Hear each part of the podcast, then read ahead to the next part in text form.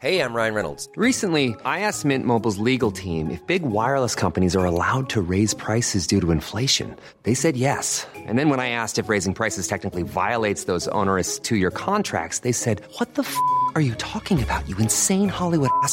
So to recap, we're cutting the price of Mint Unlimited from $30 a month to just $15 a month. Give it a try at mintmobile.com slash switch. $45 upfront for three months plus taxes and fees. Promo for new customers for limited time. Unlimited more than 40 gigabytes per month. Slows. Full terms at mintmobile.com.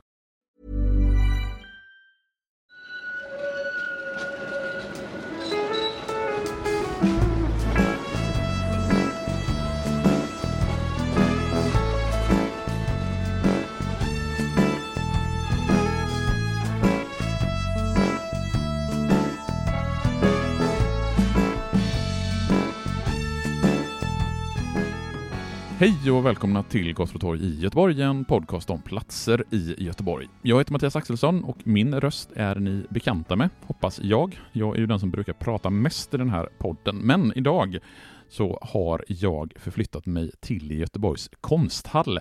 Eller egentligen inte riktigt Göteborgs konsthall, för det är inte riktigt där vi sitter. Jag och Andreas Hagström. Hej Andreas! Hej! Var är det vi sitter egentligen? Vi sitter i biblioteket på Hasselblad Center, där jag jobbar numera.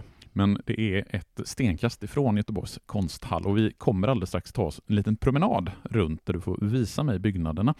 Men att vi sitter här, det beror på att du har redakterat och skrivit merparten av texterna i boken Göteborgs konsthall, en hundra, hundraårig konsthistoria. Mm. Stämmer det om jag säger att du har redakterat och skrivit merparten av texten?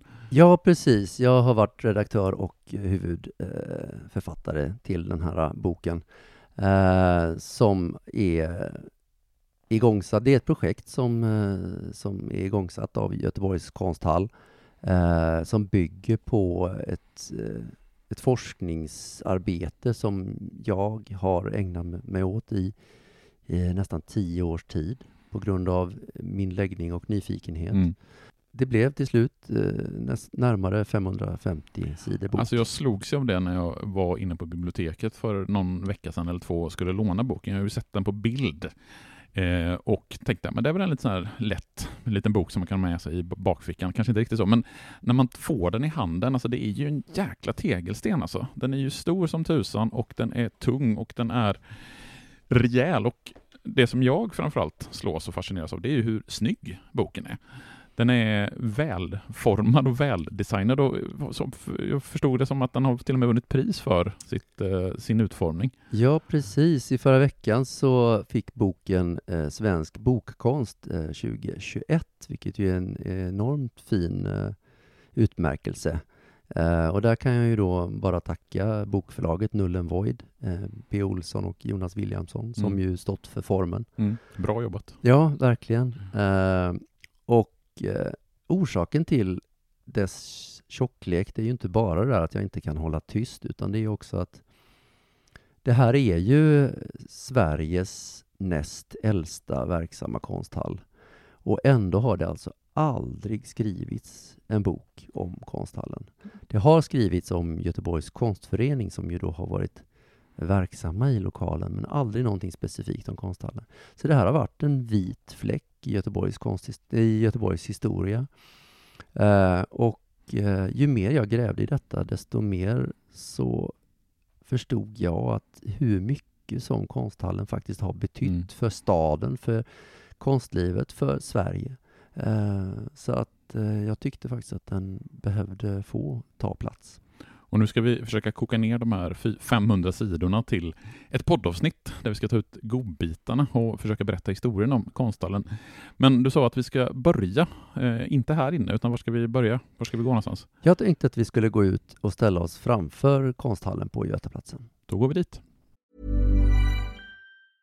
Mother's Day is around the corner. Find the perfect gift for the mom in your life with a stunning piece of jewelry from Blue Nile. From timeless pearls to dazzling gemstones, Blue Nile has something she'll adore. Need it fast? Most items can ship overnight. Plus, enjoy guaranteed free shipping and returns. Don't miss our special Mother's Day deals. Save big on the season's most beautiful trends. For a limited time, get up to 50% off by going to Blue Nile.com. That's Blue Nile.com. Burrow is a furniture company known for timeless design and thoughtful construction and free shipping, and that extends to their outdoor collection. Their outdoor furniture is built to withstand the elements, featuring rust-proof stainless steel hardware, weather-ready teak, and quick-dry foam cushions. For Memorial Day, get 15% off your Burrow purchase at burrow.com slash ACAST and up to 25% off outdoor. That's up to 25% off outdoor furniture at burrow.com slash ACAST. Ja, då har vi förflyttat oss utomhus. Det kanske, vi, kanske ni hör på att det är lite bakgrundsljud. Men var står vi Andreas? Ja, nu står vi på Götaplatsen framför Konstmuseet och Konsthallen. Uh, och uh, det är ju lite besynnerligt eh, med Konsthallen för trots att det är en så stor byggnad och trots att den ligger här där den ligger så är den ganska anonym på sätt och vis. Den liksom försvinner. Ja, vi gjorde ju ett avsnitt, jag och Malin, om Götaplatsen för, ja, nu är det nog nästan ett år sedan.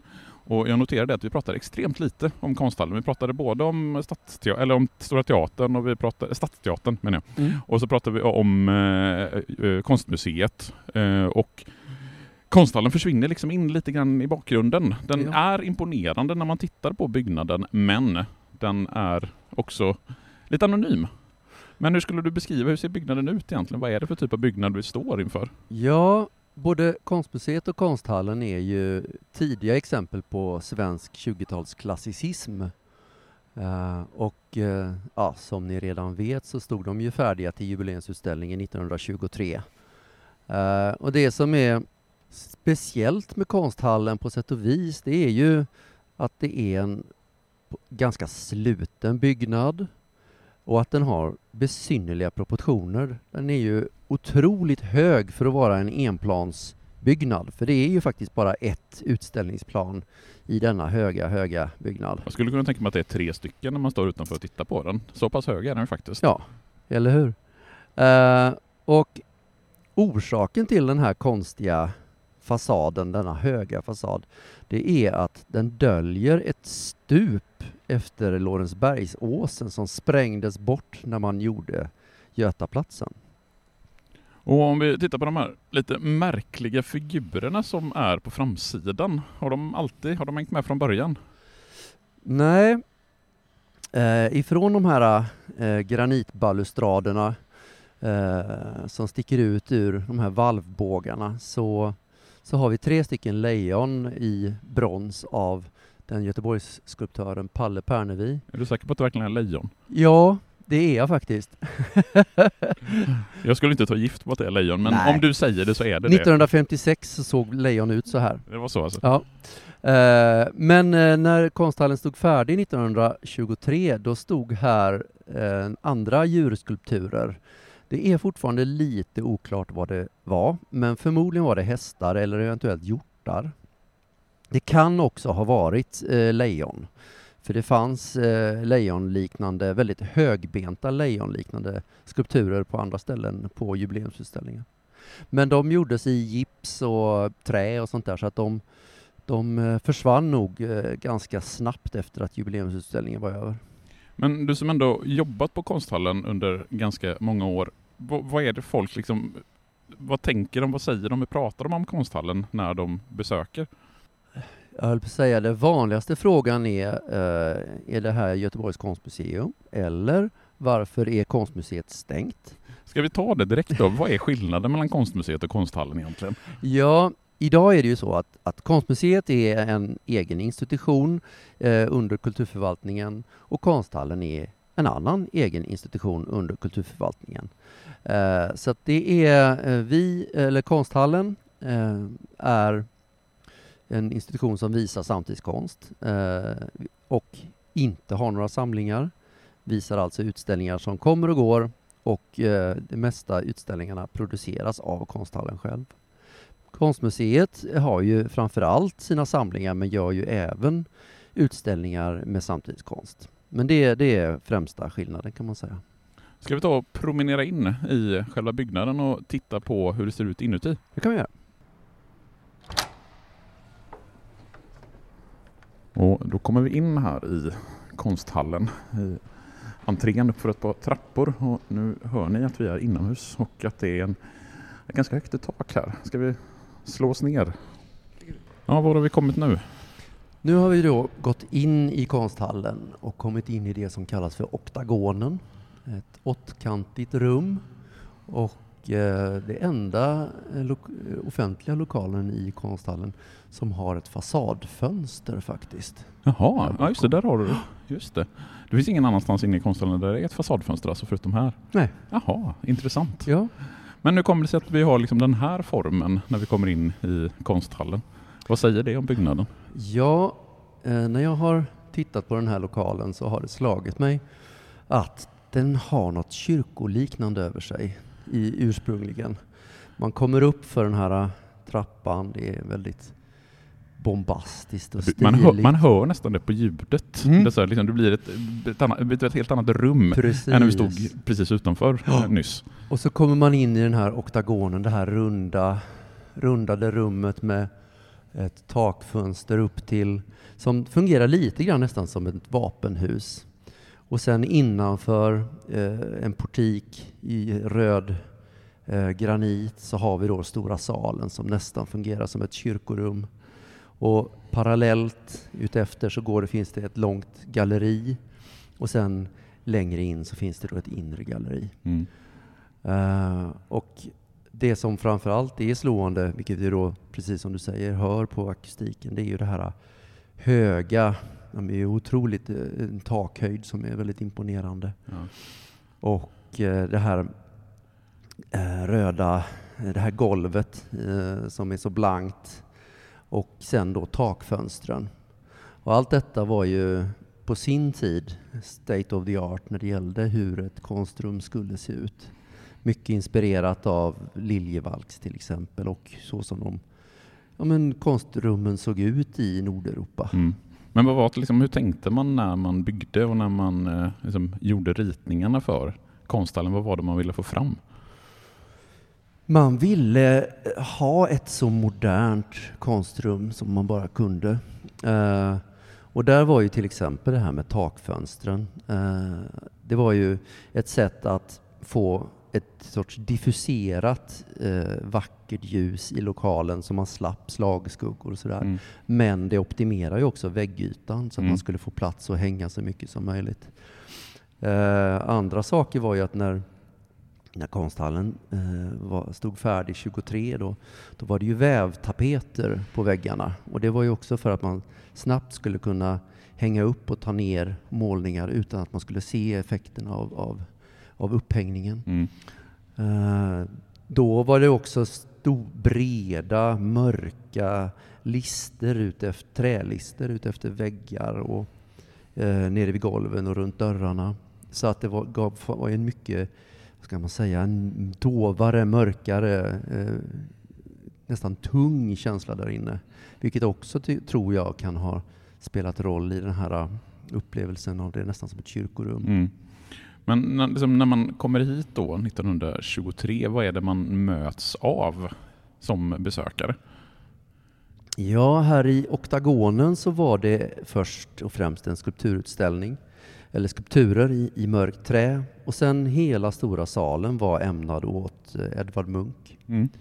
Eh, så att ehm, överhuvudtaget de- den del av eh, konsthallen som vi har idag, det var framförallt norska konstnärer. Mm. Fanns det någon Eh. speciell anledning att det var just norska konstnärer?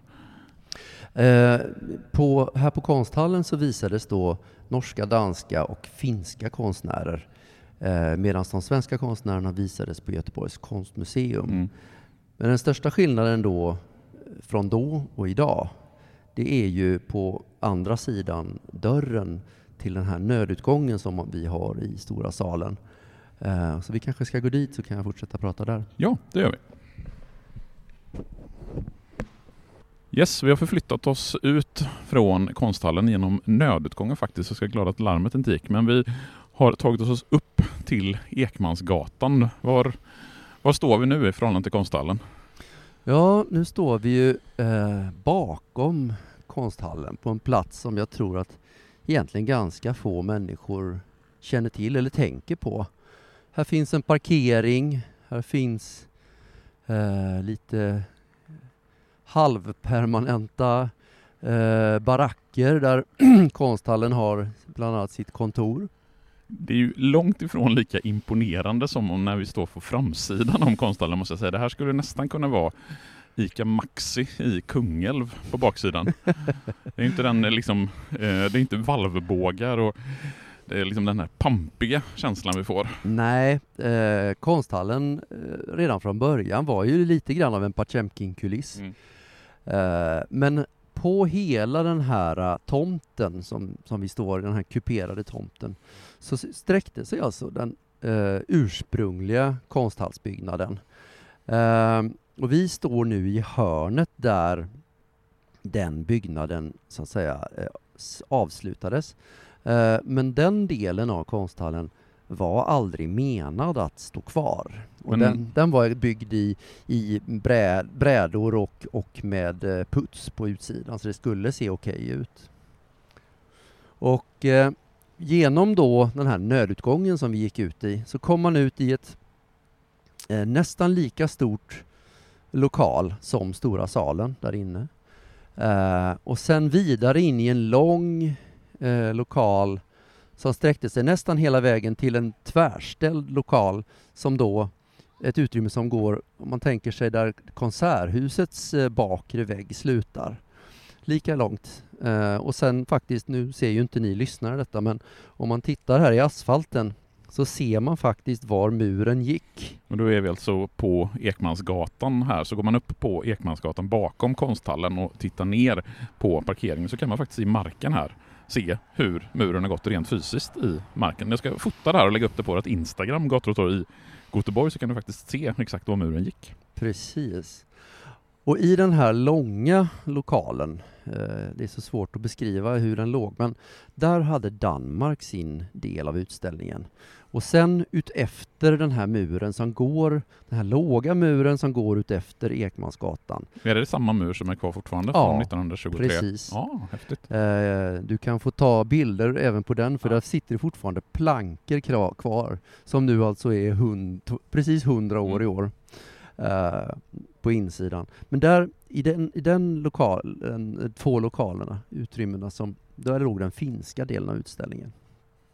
Och sen så via eh, där Hasselblads Center idag har sina kontor, så låg lite andra lokaler och så kom man tillbaka då till stora salen in i konsthallen igen som är idag.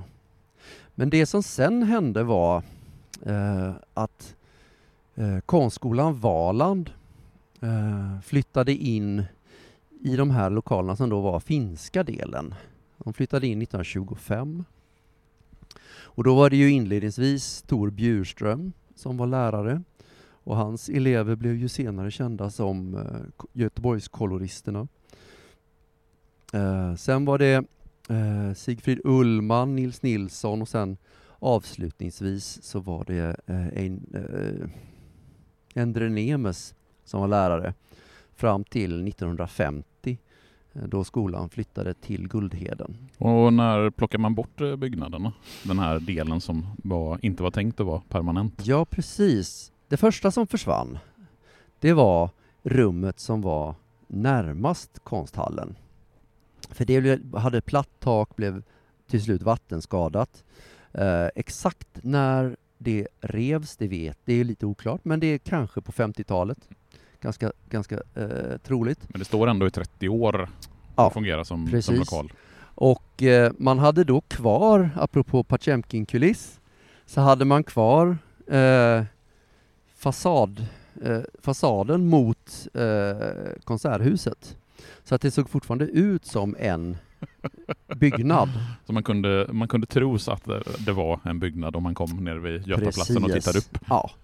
Och sen 1956, då flyttar en eh, industriutställning eh, in i den delen som hade varit den danska utställningslokalen.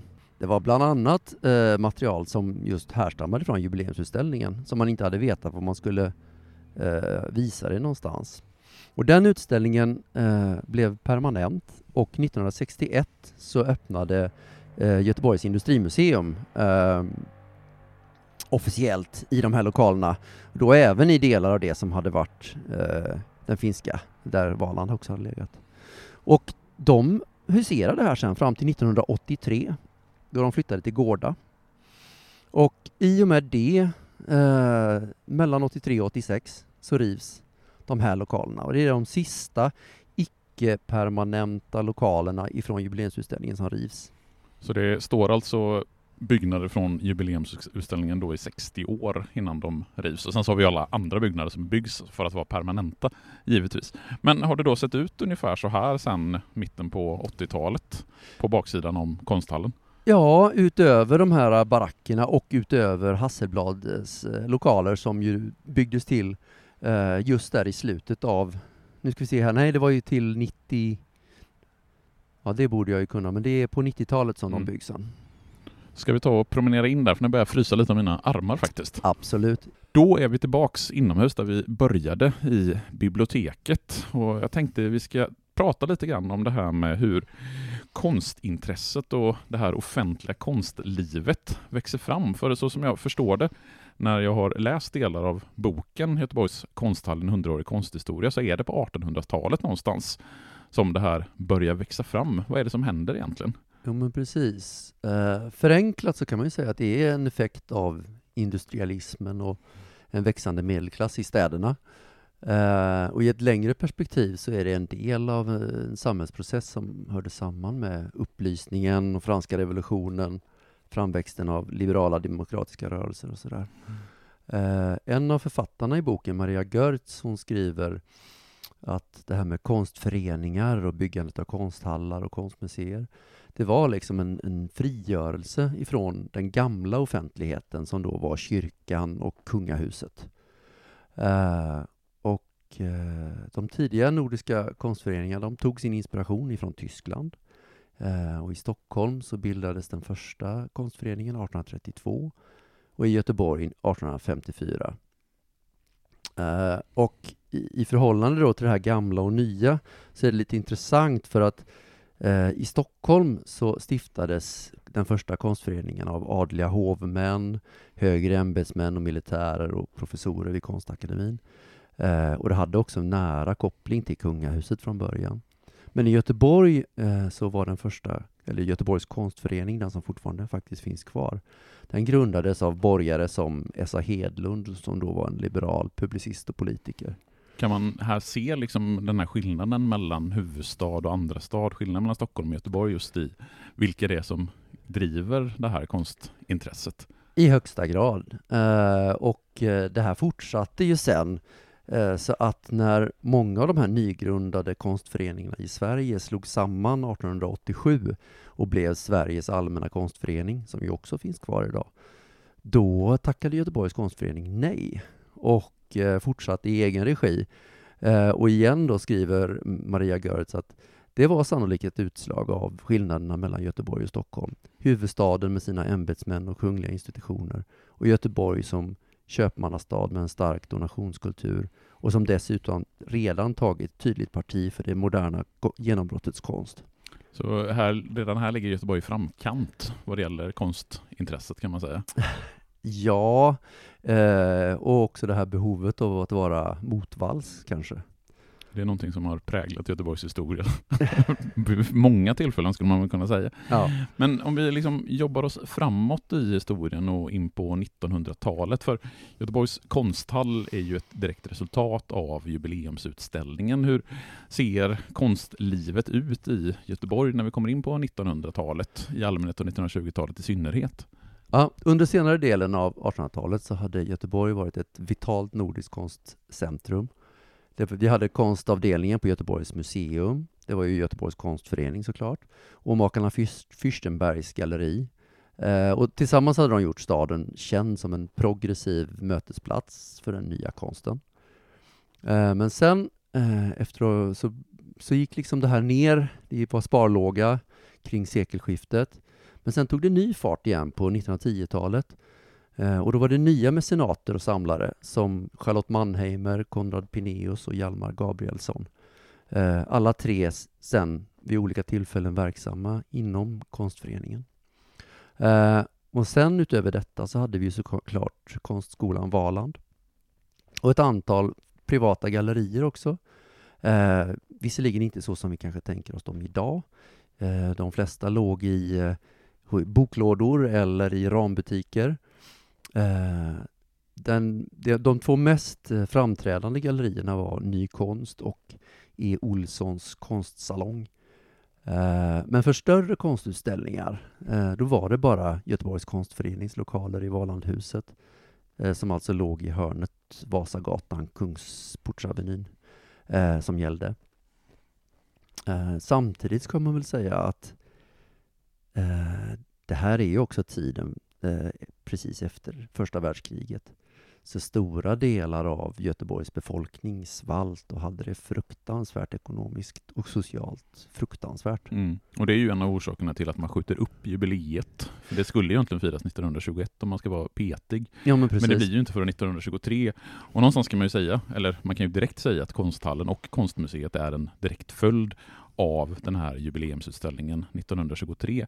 Men vad är det egentligen som gör att man bygger konsthallen och konstmuseet och bygger hela Götaplatsen här där den har hamnat. Jag försöker ju och eh, har försökt att gräva i detta och det är, det är en väldigt komplex, svår fråga. Eh, men jag ska försöka att inte göra svaret för långt. Vi, vi, eh. vi, gör svaret Patreon exklusivt. Om det blir alldeles för långt så klipper jag ner det så bara våra Patreon som får lyssna på hela historien. Uh, Nej men så här, eh, långt in på 1800-talet så var ju Lorensberg ett landeri eh, med betes och odlingsmark. Eh, och från andra halvan av 1800-talet så blev det mer och mer till ett rekreationsområde för stadens bättre bemedlade. Eh, fortfarande då upplevdes alltså den här platsen som att det var ganska långt ifrån sta stadskärnan. Mm. Det var någonting som man, det var en dagsutflykt Ja, men det är ju så intressant för vi, när vi gjorde ett avsnitt av Avenyn och pratade om eh, teatern i, vid, mittemot Bältesmannaparken, så när den byggs så klagar ju borgarna på att det är för långt att ja. ta sig dit. Och det är ju ett, det är faktiskt nästan rent fysiskt ett stenkast ifrån Kungsportsplatsen. Så då är det klart att man upplever Lorensberg som ligger väldigt långt. Det är som att åka ner till Varberg i princip ja, idag. lite så. Uh, och i och med att uh, staden upplever att den här platsen blir mindre och mindre ett landeri i sin egentliga mening, så tar man över besittningsrätten 1885. Och eh, i och med det så börjar man planera för hur det här området ska utvecklas. Eh, och 1901 så utlyser man en stor stadsplanetävling för avslutningen av Kungsportsavenyn. Eh, och vid den här tiden så sträckte sig Kungsportsavenyn till eh, hörnet vid Engelbrektsgatan. Eh, och eh, vi kan hoppa över hur det gick i tävlingen, för de egentligen främsta konsekvenserna av den var att de styrande i Göteborg de insåg möjligheterna av modern stadsplanering och hur det i sig kunde främja stadens ekonomi. Eh, och det ledde i sin tur till en omorganisation av stadsingenjörskontoret och att man anställde då Albert Liljenberg som, första stadsingenjör. Som har präglat Göteborgs stadsbyggnad oerhört mycket. Ja, han, man kan inte runda honom någonstans. Nej, och jag, jag har ju pratat om honom i flera av våra avsnitt, både när vi var i Kungsladugården och över Redabergsplatsen och säkert ett flertal till som jag glömmer. Han. Mm. Oerhört viktig mm. person mm. i Göteborgs stadsplaneringshistoria. Mm. Och han, han tog ju då sig an det här eh, vinnande eh, förslaget från 1901. Och 1910 så fanns det nu då en ny plan där bland annat Lorensbergs villastad och Götaplatsen ingick. Eh, däremot hur Kungsportsavenyn skulle avslutas, det var fortfarande en ganska öppen fråga. Det fanns väldigt många olika idéer som jag, jag, för, eh, jag beskriver några i boken. Mm. kommer lägga upp några av de bilderna på vårt Instagram också för att kunna se där vad det fanns för olika typer av tankar kring hur man skulle avsluta ja. Kungsportsavenyn.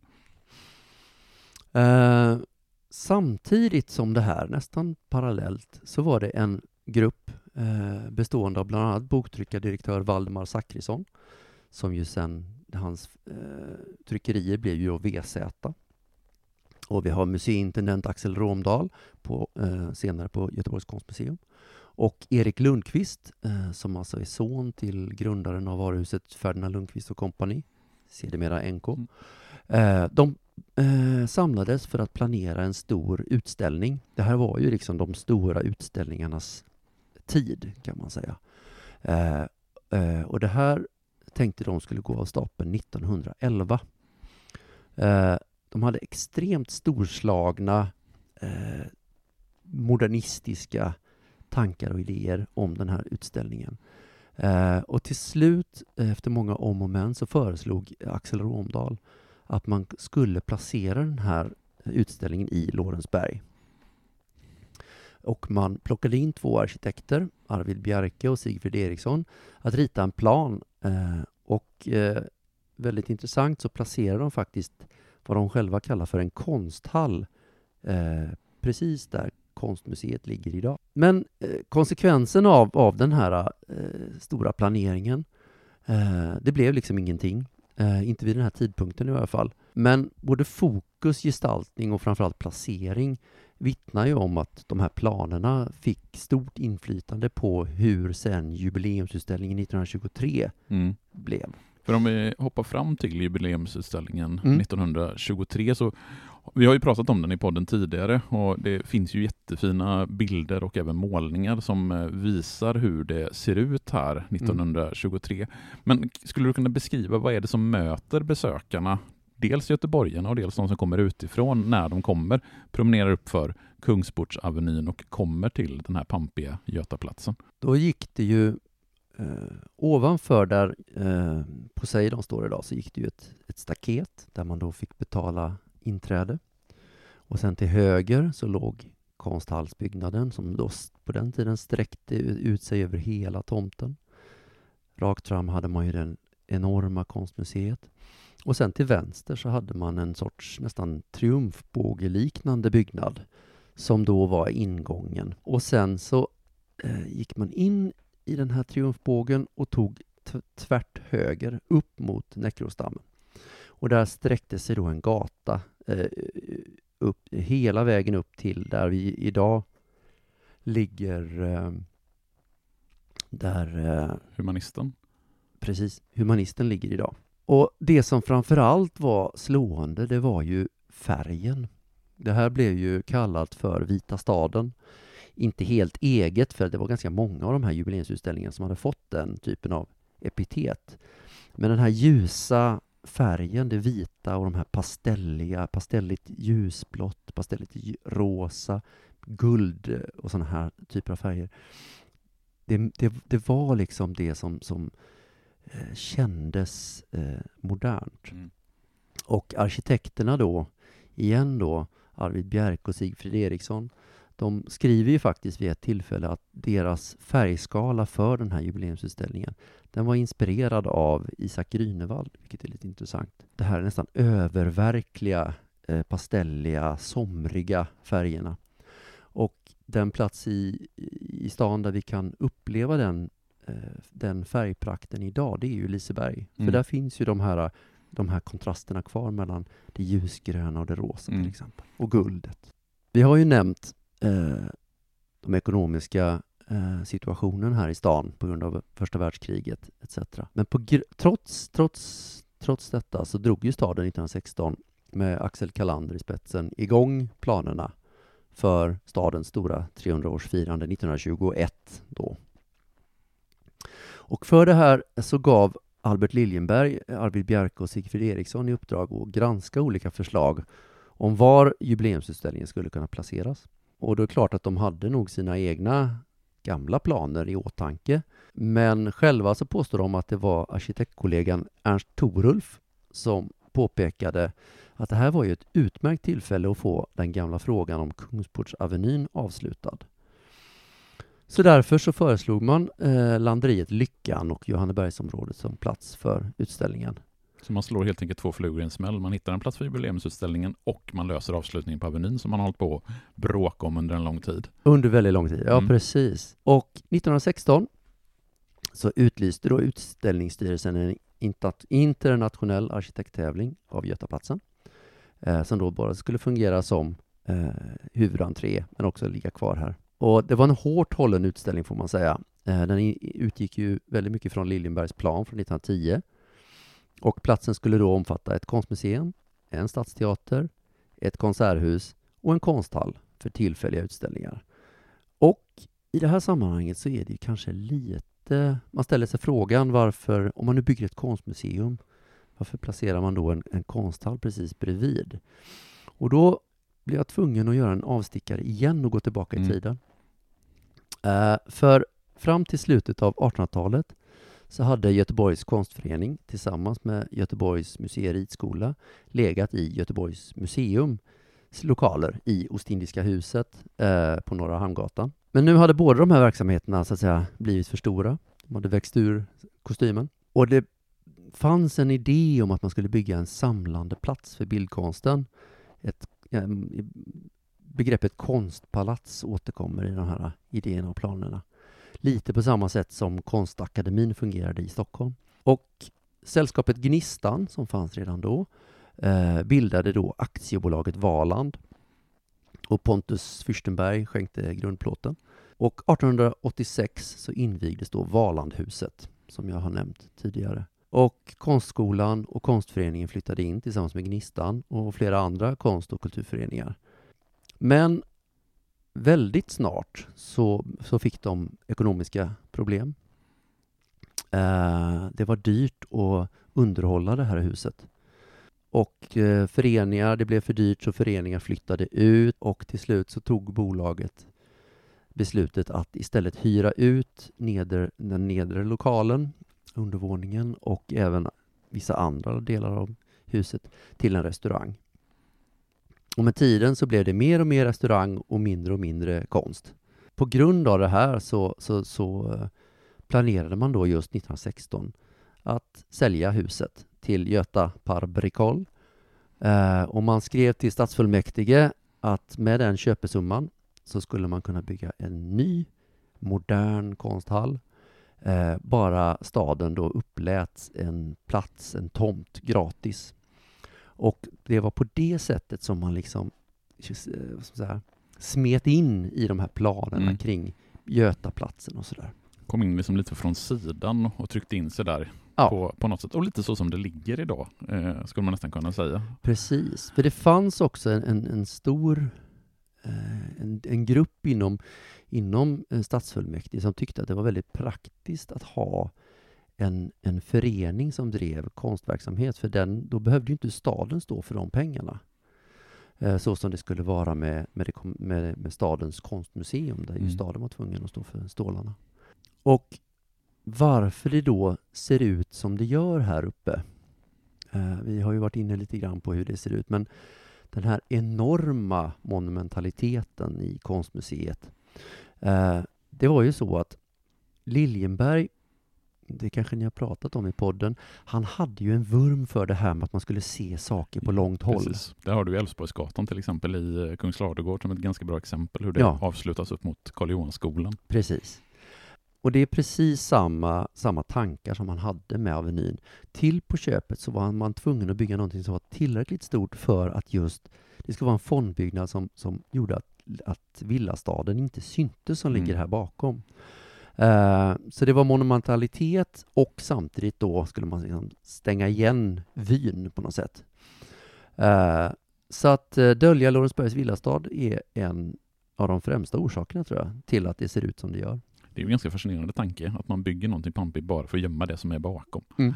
Men när man bygger det här så eh, en väldigt intressant del i boken som jag inte hade en aning om det är att det är en hel del problem med själva byggandet långt in på, ja, nästan ända fram till det är dags för invigningen. V- vad är det som händer där egentligen? Och till och med efteråt också kan jag ju nämna. Ja. Eh, jo, nej, men eh, som sagt, det var de här ekonomiska och sociala problemen i stan.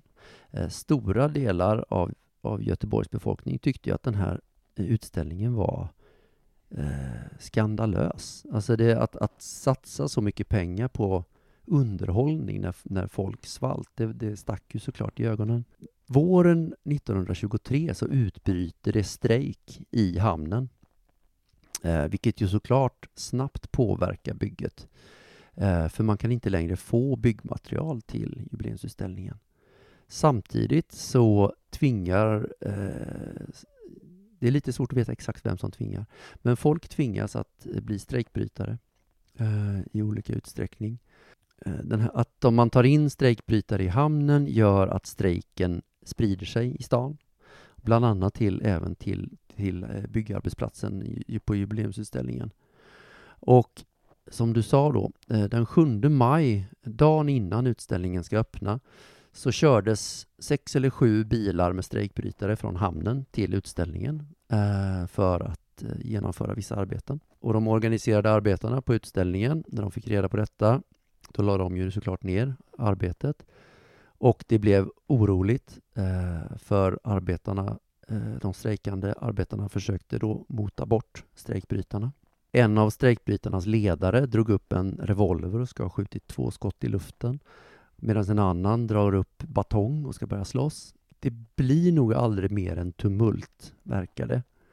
Eh, för eh, utställningsledningen eh, beslutar att strejkbrytarna ska bort eh, och eh, i och med att de tas bort så, så fortsätter arbetet. Och man kan sen då dagen efter öppna utställningen eh, trots allt. Så den 8 maj 1923, trots strejk, trots tumult, trots skottlossning, så öppnar jubileumsutställningen. Vad är det som möter göteborgarna och besökarna då? Vi var ju lite inne på det när vi satt borta i oktagonen, men...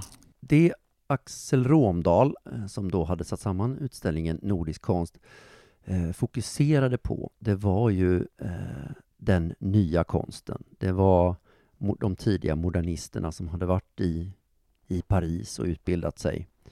Eh, det var ju Hjertén, det var ju eh, Grünewald, det var det gänget vi nästan kan tänka oss. Men det som gör det hela så intressant var ju att det var en enorm samling från både Sverige, Norge, Danmark och Finland.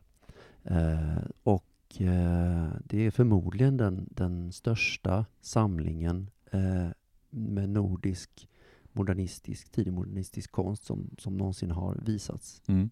Och jubileumsutställningen den håller på till mitten av oktober. Den 15 oktober tror jag att den tar slut och sen i början på november så har konsthallen sin egentliga invigning och sen så drivs konsthallen av Göteborgs konstförening fram till 1966. Kan man säga någonting om utvecklingen av konsthallen under första halvan av 1900-talet?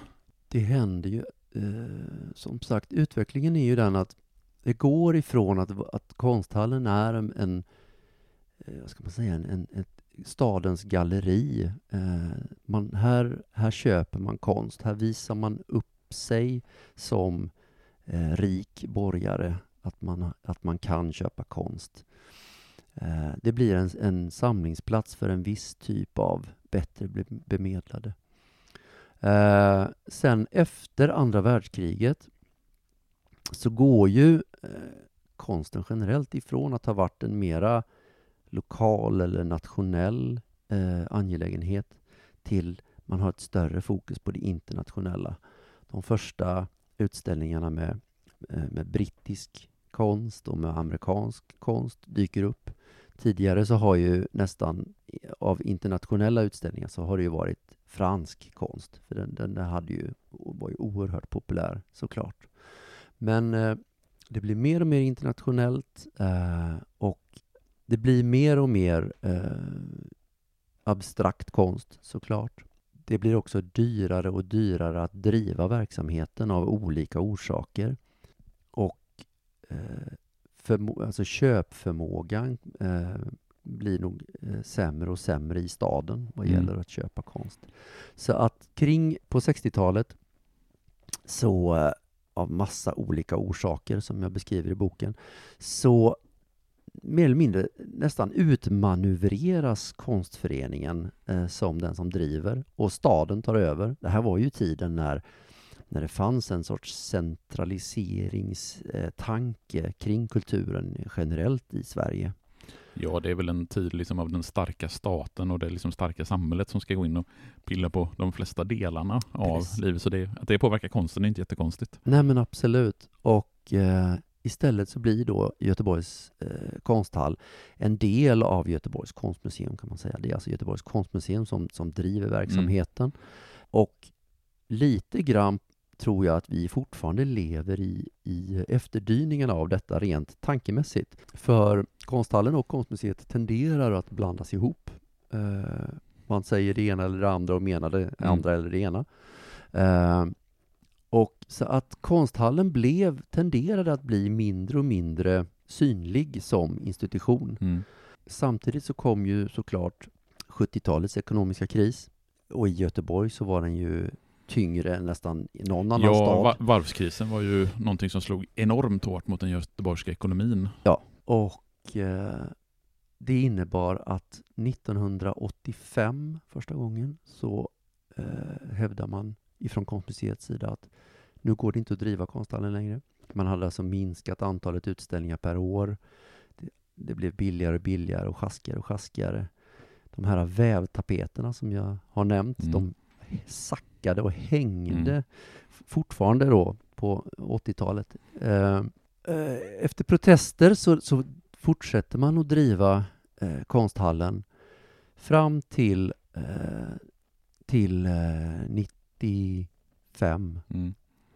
Eh, och då är det slut. Då stänger man konsthallen. Då stänger man konsthallen, men under en väldigt kort period. Ja. För sen återöppnar den eh, under en väldigt konstig eh, experimentverksamhet kan Mm. man säga. Under fyra och ett halvt år så är det en intendent som på en halvtidstjänst betalad av staden eh, och ett antal personer eh, som då går på eh, som timanställda som ska driva verksamheten helt utan verksamhetsbudget. Mm. Man ska alltså få in eh, på intäkter på biljettintäkter och på sponsring och det här gänget får ju mest av allt hoppa på olika vandringsutställningar Mm. runt om i norra Europa. Eh, och får också ägna sig åt en hel del väldigt populära grepp kan man säga. Mm. Eh, de blandar därmed högt och lågt. Eh, så här i efterhand så kan man bara säga att vi kan vara dem evigt tacksamma för annars hade vi inte haft någon konsthall idag. Å andra sidan så fick de otroligt mycket skäll. Mm. Också med rätta, men egentligen det var ju staden Mm. in, som skulle ha skäll. Ja, vilka förutsättningar hade de egentligen att driva? Otroligt dåliga förutsättningar. Ja. Eh, men eh, som till exempel under den här perioden så visar de ju Yoko Ono. Mm. Men efter fyra och ett halvt år eh, så går inte det heller detta längre. Mm. Men samtidigt så har staden, nu har man ju, nu har vi ju liksom mitten av 90-talet har kommit. Mm. Eh, Vi har lämnat de värsta ekonomiska kriserna bakom oss. precis. Och nya tankar och idéer om kulturen och konstens plats i staden, kulturplanering, eh, den typen av idéer. Så staden bestämmer sig för att satsa på konsten Mm. eh, och att konsthallen ska öppna i egen regi samtidigt som man också då satsar på Göteborgs internationella konstbiennal. Så Göteborgs konsthall och biennalen är verkligen eh, syskon här Mm. kan man säga. De är lika gamla som, som egna institutioner i staden. Och i och med detta, och då öppnar ju de här portarna då eh, 2000, eh, så har sen i sen dess så har konsthallen drivits eh, som en egen verksamhet. Och vad ska man säga om de senaste 20 åren av konsthallens historia? Vad, har den liksom fått en ny vitalitet med att driva som en egen institution? Absolut. Eh, och nu ska det väl då sägas att det är under de 20 åren som, sen jag, har, som jag jobbade på Så vi kan egentligen säga att det, är, att det din förtjänst att det har blivit som det har blivit. Absolut inte, men, men, eh, men det är ju mycket svårare att ha, att ha den där utifrån blicken när man har varit inne i det. Men det jag ska säga är ju att, eh, att konsthallen har ju verkligen arbetat sig långsamt och eh, envetet till att få en allt starkare position och manskapet har ökat och verksamheten har utökats eh, till, till att idag bli en, en, en självklar eh, institution i, i Göteborgs konstliv. Ifrån att ha varit på gränsen till att ha försvunnit kan man ju säga. Så att eh, eh, ja, det, det är ju den utvecklingen som har, som har skett under de här 20 åren skulle Mm. jag säga. Och nu sitter vi här 100 år efter att den liksom byggdes och allting öppnade. Tack Andreas Hagström för att du tog dig tid att visa mig runt här i konsthallen och omgivningar och att du tog dig tid att berätta om konsthallens historia. Har du inte fått nog av att veta om Göteborgs konsthall så vill jag återigen rekommendera Tegelstenen Göteborgs konsthall, en hundraårig konsthistoria som finns att köpa där böcker finns. Och vi kommer att lägga upp bilder på vårt Instagram-konto. Bli en månadsgivare på patreon.com gator och i Göteborg. Om du gillar podden så hörs vi igen om vecka.